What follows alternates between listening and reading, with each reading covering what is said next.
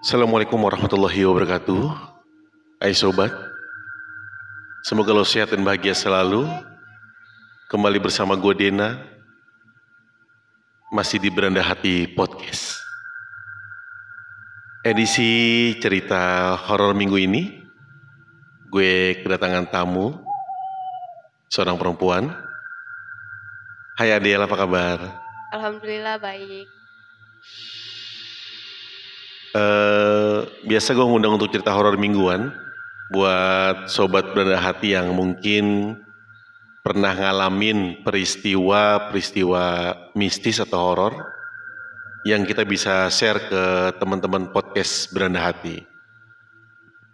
Kira-kira lu ada pengalaman gak yang bisa lu ceritain atau lu share ke teman-teman atau sobat-sobat beranda hati, Del? Ada, eh, jadi waktu sekolah, gue ceritanya lagi nyari guru nih, guru mata pelajaran, salah satu mata pelajaran. Em, terus pas gue turun, itu tuh di ujung tangga, sebenarnya ada anak kecil, cuman dia kayak mau ngajak main, Anak kecil di itu di tangga sekolah gitu. tangga sekolah di kantor. Iya. Jadi ada anak, anak kecil di ujung, jadi kayak ngajak gue main karena mungkin dia tahu kalau gue peka ada dia gitu. Nah, Jadi sebenarnya lu nih eh, ada kemampuan lebih bisa melihat atau merasakan gitu ya? ya Hmm. mungkin jarang nggak kayak anak indigo lah Iya, gitu. iya. Nah terus eh, dia tuh narik tangan gue om. Anak Narik- kecil tuh narik tangan. Iya, narik tangan gue ya. Tapi lu tau nggak kalau dia tuh memang makhluk halus? Iya tahu soalnya temen gue juga nggak ngeliat ada anak kecil sama sekali. Wow. Jadi cuma gue doang yang lihat dia narik tangan gue, guanya nggak mau. Ya gue mau nyari guru, mau sekolah gitu, nggak usah ngajak main lah gitu. Dan akhirnya dia narik gue, gue eh, tarik tangan lagi gitu, Mm-mm. kepleset. Jadi itu dari tangga pas tengah tangga itu turun ke bawah empat tangga. Yang kepleset siapa? Guanya, Lu jatuh. gue jatuh dan akhirnya eh, ya nggak bisa jalan sampai pulang tuh dianterin sama guru. Akibat lu nolak tadi itu ya? Ya gara-gara itu dia marah Hmm. karena nggak mau diajak main. Itu Itu anak kecil gitu. anak kecil ya sekitar umur 5 sama 6 tahun lah sampai segitulah umur segitu. Lu nyaman gak sih dengan kalau lu sering suka melihat makhluk-makhluk halus gitu? Ya nyaman gak nyaman sih om, yang gak nyamannya eh kayak gue lagi nggak mau gitu, kenapa dia nongol tiba-tiba kan kaget gitu kan, apain sih di situ gitu kan, ada aja kayak gitu, apalagi kalau malam, aduh Kalau malam lu sering lihat-lihat gitu? Kayak di rumah atau di mana sering, gitu? apalagi di rumah gue yang sekarang. Dulu gue pernah ngontrak juga, Iya. Gue baru pulang nih dari rumah temen emang sekitar itu habis hujan dan itu sekitar jam 11 gue ketemu lagi diliatin poci lagi Maksud lu pocong, jalan. pocong. iya kita sebut poci aja ya Iya, poci ya. di jalan kan gue kaget dong shock banget dia Itu tiba-tiba di pocongnya depan lagi ngapain? Lagi ya lagi berdiri aja lagi diri aja. iya kaget dan di situ benar habis hujan ya mau nggak mau gue mau terbalik karena emang ya kaget serem banget jam 11 nggak ada orang sepi banget kayak gitu itu serem banget terus di rumah juga di rumah gue yang sekarang lebih lembab lah banyak Iya. pohon rimbang sama ya gedung-gedung kosong s- waktu tau kan om yang kejadian di Jalan Narogong Iya tiap hari kecelakaan Jalan Narogong sering kecelakaan Iya. dan ada yang kematian lah ya. ya itu ada satu sosok Mm-mm. jam satu malam dia ngetok-ngetok rumah gua. Jam satu malam ngetok-ngetok rumah lu. ya. Mungkin orang lagi mampir kali atau ada perlu. Eh, enggak. Jadi tuh dia ngetok-ngetok permisi pak. Permisi pak. Dia ngomong. ngomong. Dia ngomong terus pas di pas eh, mau dilihat kayak suaranya tuh kayak udah ngilang. Suara tuh udah nggak ngetok-ngetok lagi dia. Iya. ternyata pas ditanyain ke yang orang pinter lah gitu Oke, sebutannya, iya. ternyata dia tuh penunggu tanah situ. Penunggu tanah situ. Iya, mungkin dia cuma mau ngasih tahu, oh ada gua nih di sini gitu. Gue Iya, nunggu tanah dia ini. menunjukkan gitu. keberadaannya. Iya, Bosnya dia ada di situ. iya. Mau berteman mungkin atau berkawan ya. Iya, bisa jadi. Gak cuma itu om di situ. Jadi eh, di samping rumah gua ada musola. Oke. Musola itu ada kamar mandi dan emang di belakang rumah gue itu emang rada lembab. Ada pohon pisang, ada batu lah, lembab lah namanya kamar mandi juga. Nah itu tuh ada cewek. Cewek itu maksudnya eh makhluk halus, Makhluk halus. sejenis kuntilanak. ya nungguin di kamar mandi situ. Gue sebenarnya jujur aja ya, gue kalau ngomongin yang namanya makhluk halus, setan, gue sangat tidak nyaman. iya nih lu merinding, serius merinding. gue juga ngerasain merinding nih waktu lu cerita. Ya. Terus lanjutin gimana? Eh, dan nggak itu karena tuh rumah gue dulu tuh udah tiga tahunan mungkin nggak ditempatin sama orang Kosong gitu ya? kosong akhirnya direhab dan baru gue tempatin nah di situ eh, gue sekitar jam 2 malam kan gue kadang suka mendusin nih kayak kebangun lah gitu Iya, iya. Eh, itu waktu itu ada cewek ada cewek kecil mungkin itu eh umur 7 tahunan lah Lu lihat di mana? di samping gue persis Maksudnya di kamar? di kamar deket jendela di dalam Gokil. di sebelah gue pisan berdirinya dia berdiri gue tidur ya di sebelah gue pisan Dia diri. berdiri pakai dress dress model zaman dulu banget Waduh janjian tuh anak-anak zaman zaman Belanda gitu kali iya ya. betul zaman Belanda rambutnya itu sepundak itu di sebelah gua dan itu nggak pergi-pergi om Lu nggak takut gitu? ya mau gimana Atau nggak teriak? Atau gimana gitu? nggak bisa teriak ya udah oh alah oh dia mungkin mau kenal mau ngajak main gitu Oke sobat, kalau lu ngerasain posisi yang seperti itu bagaimana ya? Gue juga agak kurang nyaman kalau begitu. Dan Ya. lu dua, dan itu tuh ada di samping lu persis ya.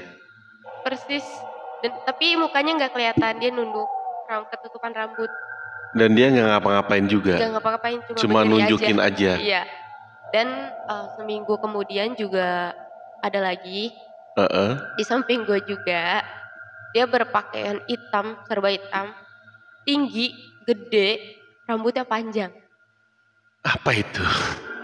nggak tahu juga di sebelah gue juga sekitar Itu di kamar gitu. di kamar bener-bener deket jendela sebelah lemari Lu nyaman gak sih sebenarnya keadaan seperti itu? Maksudnya ya itu kan kayak lu sering keto- sering di, di apa dikasih lihat kasih lihat gitu ya. ya Aduh. ya nggak nyaman sih sebenarnya makanya itu kebetulan di kamar orang tua orang tua nggak pernah ngeliat sama sekali cuma Dan orang tua nggak pernah lihat. lihat cuma lu yang Iya. Tapi lu pernah cerita ke orang tua?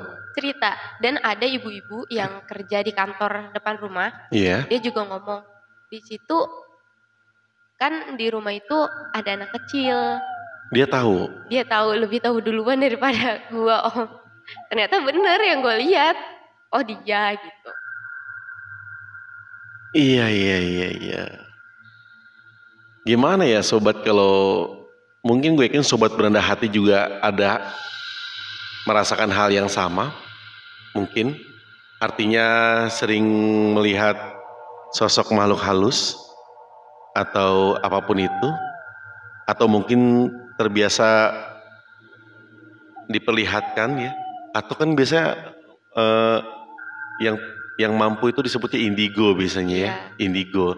Tapi kalau ini kalau lu eh, ya lu bisa ngelihat lah ya. Iya bisa ngelihat cuma ya mungkin turunan dari buyut. Buyut iya. itu indigo tapi nurunnya lebih ke adik gua. Adik gua lebih parah adil lu lebih parah? Lebih parah dia juga udah ditutup mata batinnya mungkin udah 20 kali lebih dan itu dan itu nggak bisa. terus nggak bisa. Gokil gokil ya. Dan yang sosok terakhir kemarin gua lihat itu Heeh. dia selalu nangkring di atas lemari gua. Aduh dia nggak mau pergi waktu itu berapa hari dua harian lah itu Ya. kayak apa bentuknya bentuknya gue langsung lihat atas lemari gini bentuknya gede tinggi eh, rambutnya sepundak jadi eh, nggak ketahuan itu cewek atau cowok cuman dia serba hitam itu sumpah selalu di atas lemari dan dia senunduk. Cuma ngeliatin. Aduh. iya iya iya iya. Dan gue juga sering kalau misalkan waktu itu gue suka pulang kerja tuh sekitar jam 12-an lah ya. Karena di daerah rumah gue tuh lembab dan gedung-gedung sepi lah gitu. Lu tuh tinggal di perumahan apa sih? Perumahan Gue tinggal di Koramil. Dan kanan kiri gue kebetulan gedung. Iya, dan biasa cukup rindang juga ya. Iya, rindang Sepi banget. ya. Iya rindang banget. Dan itu benar-benar kayak gue selalu pulang kerja tuh kayak peka banget gitu loh kayak gue diliatin nih dari atas gitu yang gedung kosong. Diliatin kayak eh semua tuh langsung merinding loh sekarang. Jujur aja gue juga denger lu cerita cukup merinding juga. terus juga eh, jadi depan rumah gue tuh gedung. Iya. gedung kantor itu. Kan emang yang ujung itu selalu lampunya mati cuman hordingnya kebuka Iya. Nah itu gue selalu di ada sosok cewek yang selalu ngeliatin dari ujung sana gitu. Heeh, heeh. Apalagi eh, ya selalu liatin gitu. Makanya selalu bilang sama yang bersih-bersih di situ. Betul. Pak, tolong nyalain aja lampunya. Jangan gitu. dimatiin ya. Jangan dimatiin dan gak lama lampu itu mati sendiri katanya. Jadi kalau dinyalain tuh selalu mati sendiri. Selalu mati sendiri. Ini rumah gue tuh emang banyak banget kayaknya deh. Intinya di sekitar rumah lu tuh sering terjadi penampakan ya. Sering. Dan lu sering ngalamin dan lu sering lihat. Iya. Tapi mereka nggak mengganggu kan ya?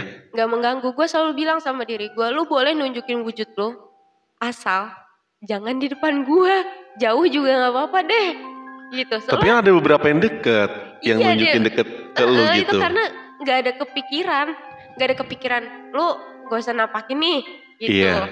tapi kalau gue emang lagi rasa kayak nervous banget gitu kayak takut gitu kan gue pengen eh, lu boleh nunjukin deh tapi jauh jangan langsung depan muka lagi nggak pengen gitu itu bener-bener aduh nggak tahu lagi Oke oke. Cerita yang luar biasa walaupun singkat tapi lumayan eh, buat gue juga merinding juga ya. Merinding disco.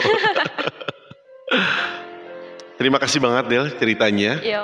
Pengalaman-pengalaman lu dengan lu melihat makhluk halus memang eh, itu di luar di luar apa ya?